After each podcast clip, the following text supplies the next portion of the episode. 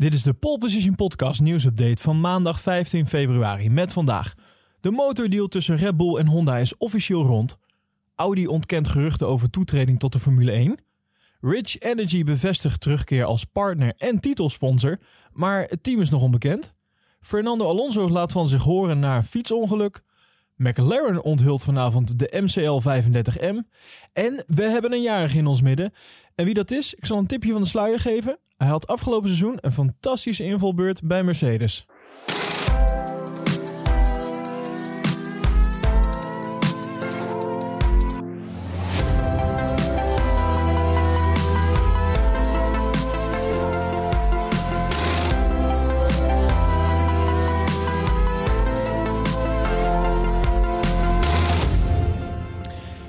Statement laat Red Bull Racing uh, vanochtend weten dat het uh, lange gesprekken heeft uh, gehad met Honda en dat de overname van de motor nu eindelijk rond is.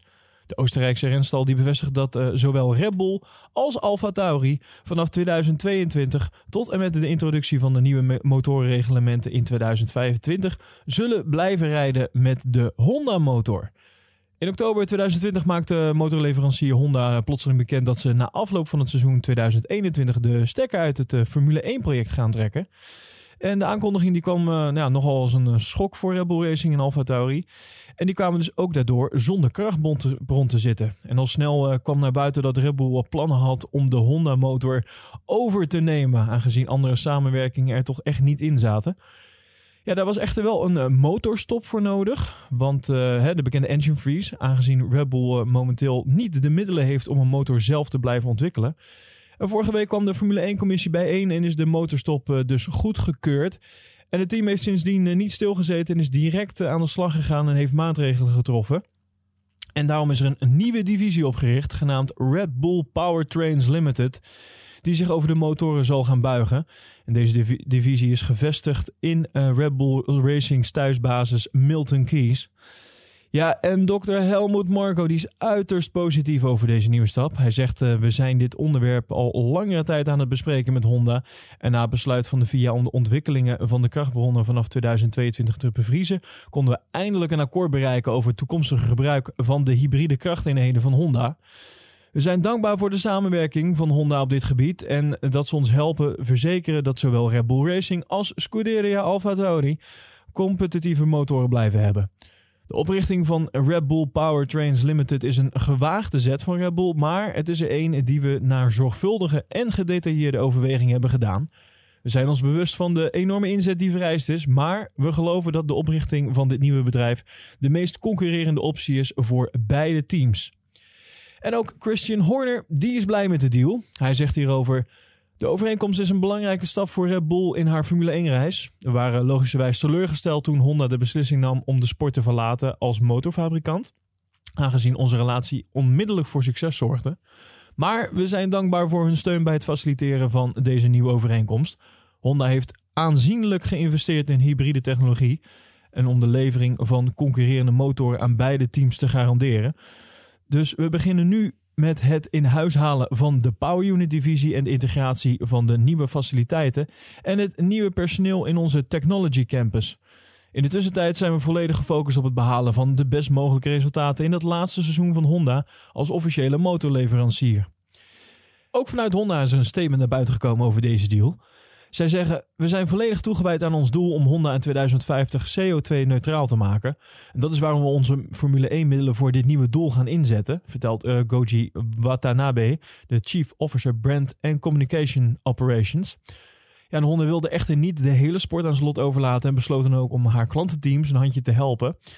Zegt over, als bedrijf uh, dat al tientallen jaren betrokken is bij de Formule 1, vonden we het echter de juiste keuze om uh, onze twee teams en de sport in zijn geheel te helpen. De goedkeuring voor Red Bull Racing en Scuderia Alfa Tauri om onze krachtbrontechnologie te gebruiken zou ervoor moeten zorgen dat ze competitief kunnen blijven racen. Dat is goed voor de sport en voor de fans, besluit hij.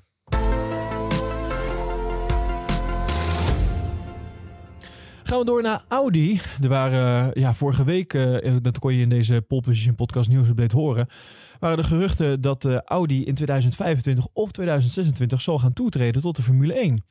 Nou, inmiddels is een reactie gekomen vanuit Audi over deze geruchten. En Audi ontkent in alle toonaarden dat het van plan is om de komende jaren toe te gaan treden tot de Formule 1.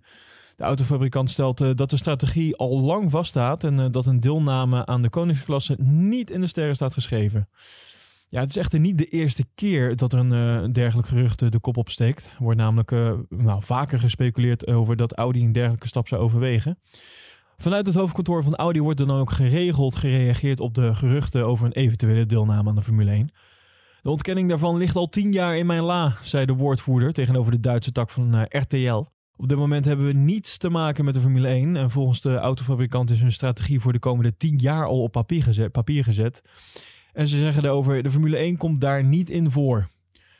Ja, en toch denk ik zelf uh, dat we wel een slag om de arm moeten houden. Want uh, ja, zoals we allemaal weten vanuit de sport... als iets in alle toonaarden wordt ontkend... nou, dan kan je er wel vanuit gaan dat het waar is. Uh, wat in ieder geval wel het geval is dat de motorreglementen over een paar jaar volledig op de schop worden gegooid. Waardoor het voor autoleveranciers natuurlijk een goedkoper zou moeten worden om in te stappen. En daarnaast heeft Stefano Domenicali, de nieuwe topman van de Formule 1, goede connecties bij Audi. Hij is namelijk van 2016 tot en met 2020 CEO van Lamborghini geweest. wat deel uitmaakt van het overkoepelende Audi AG.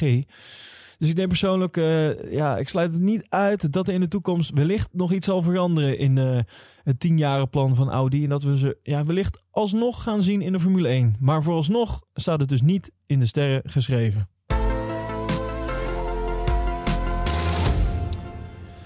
Wat wel in de sterren staat geschreven is uh, de terugkeer van Rich Energy als partner en titelsponsor. het is alleen nog niet bekend bij welk team.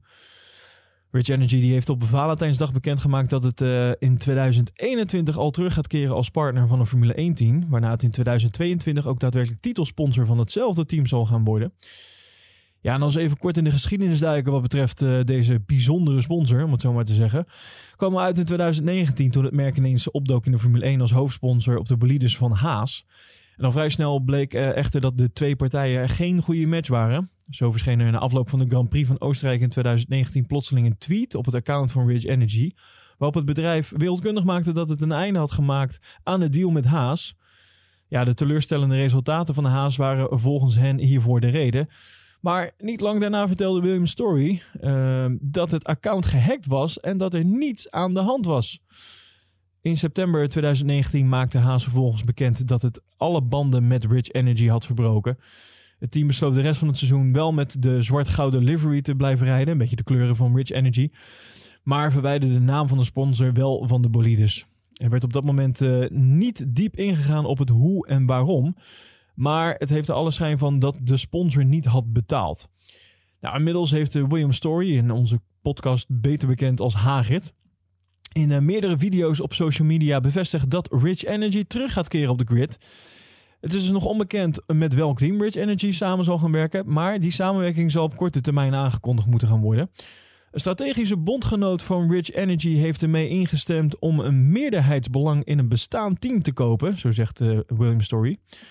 We hebben gezien de nieuwe reglementen erover nagedacht om met ons eigen team in 2022 deel te nemen. Dit zou dan Rich Energy Formula One team worden. Maar een vriend van ons heeft een deal gesloten om een meerderheidsbelang te kopen in een huidig Formule 1 team. Wij worden dan partner in 2021 en zodra de overname bekend is, worden we ook titelsponsors voor 2022. Ik kijk ernaar uit om op de baan de strijd met onze concurrenten aan te gaan. Ik zal aanwezig zijn bij de eerste race in Bahrein op 28 maart en kijk naar uit om jullie daar allemaal te zien, besluit hij. Ja, kortom, het gaat weer eh, lekker typisch op zijn uh, rich energies. Uit het niets opduiken en dan uh, ja, tegelijk ook heel mysterieus blijven. Want ja, waarom maakt hij nou niet bekend om welk team het gaat? Uh, en als het dan zo belangrijk is dat het nog allemaal geheim wordt gehouden, waarom dan nu al die aankondiging doen? Ik vind het weer een beetje een raar verhaal. Maar ja, als we William Story in ieder geval moeten geloven, en het, ja, het heeft alle schijn van dat dit wel echt gaat gebeuren, dan gaan we hem dus in Bahrein terugzien. Ja, echter zal dit niet vanuit de paddock zijn, want uh, ja, de eerste controverse rond onze vrolijke, vriendelijke Hagrid is alweer begonnen. William Story heeft namelijk uh, in een tweet laten weten dat hij weigert een mondkapje te dragen. Story heeft de afgelopen periode ja, vaker aangegeven dat hij het niet eens is met de manier waarop de coronacrisis wordt aangepakt. Hij weigert naar eigen zeggen dan ook een mondkapje te dragen. Dit zal op de paddock vermoedelijk dus wel voor uh, wat problemen gaan zorgen, aangezien ja, iedereen daar dus verplicht is om mondmaskers te dragen. Nou, hij heeft zijn ongenoegen hier dan ook over uh, geuit op Twitter. Hij zegt: uh, De enige irritatie die ik heb bij onze terugkeer naar de Formule 1 is het feit dat ik weiger ooit een melkkorf te dragen. Zo schrijft hij dus op zijn Twitter-account.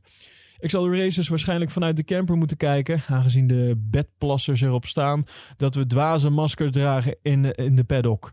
Hashtag no masks. Ik weet niet of we nou heel blij moeten zijn met de terugkeer van Rich Energy in de Formule 1. Uh, echter, het levert wel weer genoeg nieuws op. Want uh, ja, nogmaals, de eerste controverse is al begonnen.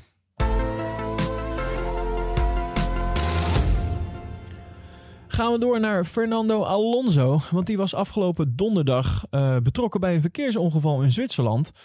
Tijdens een training met zijn racefiets werd Alonso aangereden door een auto. Hij brak bij het ongeval zijn kaak en werd naar het ziekenhuis gebracht waar hij werd geopereerd. De dag na het ongeluk heeft Alpine het volgende statement naar buiten gebracht. Following his cycling accident yesterday, Fernando Alonso was kept under observation in hospital in Switzerland. Medics discovered a fracture in his upper jaw and conducted a successful corrective operation. The attending medical team are satisfied with his progress. Fernando will remain under observation in hospital for further 48 hours.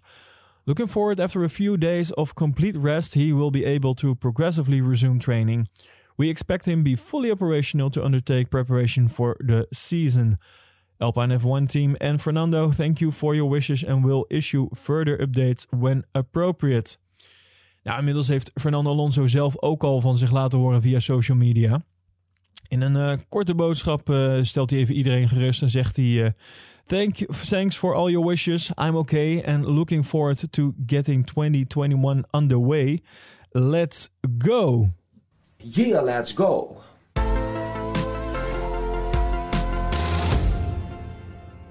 Dan gaan we door naar McLaren, want die onthult vanavond de MCL35M. Ja, McLaren zal daardoor uh, het eerste Formule 1-team zijn dat het doek zal trekken van de bolide voor het uh, komende seizoen. En dit zal gebeuren in de McLaren-fabriek in Woking, Groot-Brittannië. En voor McLaren zal de onthulling van de bolide van 2021 ja, wel extra spannend zijn. Want de, ja, de Britse renstal zal dit jaar namelijk met een Mercedes-motor gaan rijden.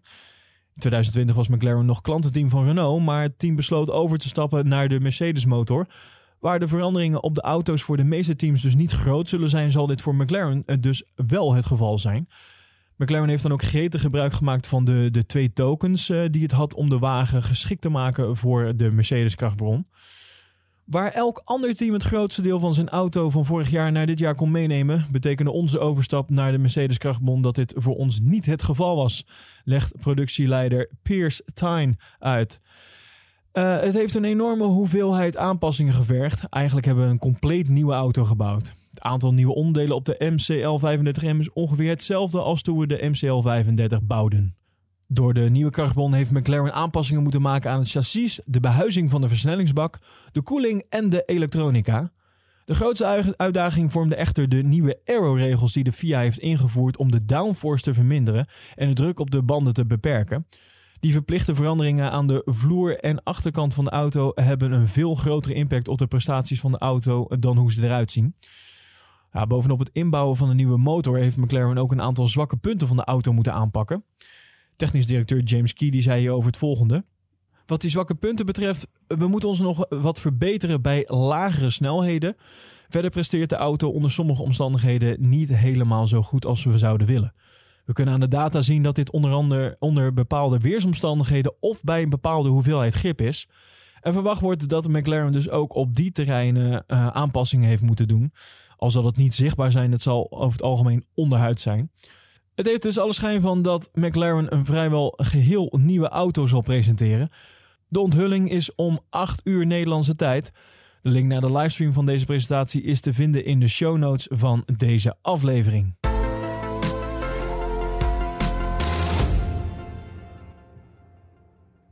Ja, dan gaan we door naar een jarige, namelijk George Russell.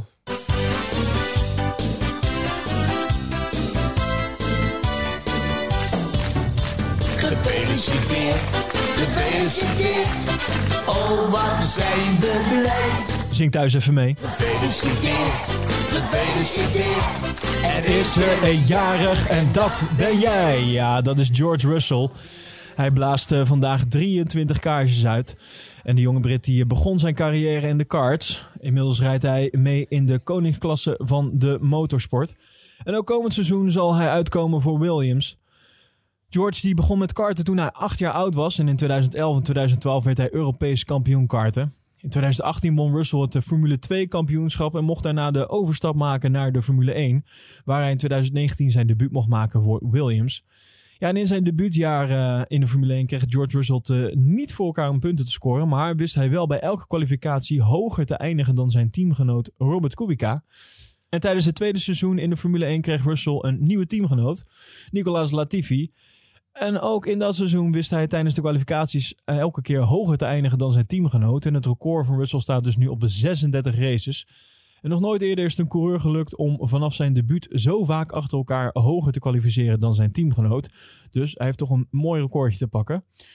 Ja, Russell die reed zichzelf het meeste in de picture tijdens de Grand Prix van Sakir afgelopen seizoen. Daar kreeg hij de kans om in te vallen voor Lewis Hamilton bij Mercedes. Hamilton die had corona en kon daardoor niet meedoen aan de Grand Prix. George die wist tijdens de eerste en tweede vrije training de snelste tijd neer te zetten. En had bij de kwalificatie bijna pole position te pakken. En dat uh, voor een uh, jongen die nog nooit in die auto heeft gezeten. En eigenlijk ook nog een keer te lang was voor de auto. Hij had onder andere klein, een kleinere maat schoenen aangetrokken. Zodat het allemaal precies zou passen. Nou, tijdens de race wist hij al uh, snel de leiding te nemen.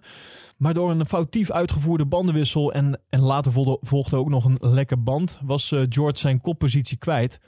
En na een knappe inhaalrace werd uh, Russell uiteindelijk negende. En daarmee pakte hij dus zijn eerste punten van het seizoen. En wij van de Pole Position podcast wensen hem een fijne verjaardag toe. En uiteraard ook een fantastisch seizoen bij Williams. En uh, als we hem cadeau zouden kunnen geven, ja, dan is het wel een uh, nieuwe invalbeurt bij Mercedes komend seizoen. Om toch even revanche te pakken voor die Grand Prix van Sakir.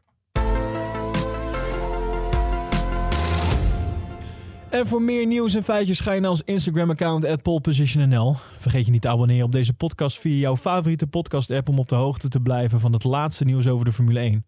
En vind je deze updates nou leuk en wil je ons financieel steunen? Kijk dan even op petje.af slash poleposition voor alle mogelijkheden en leuke bonussen.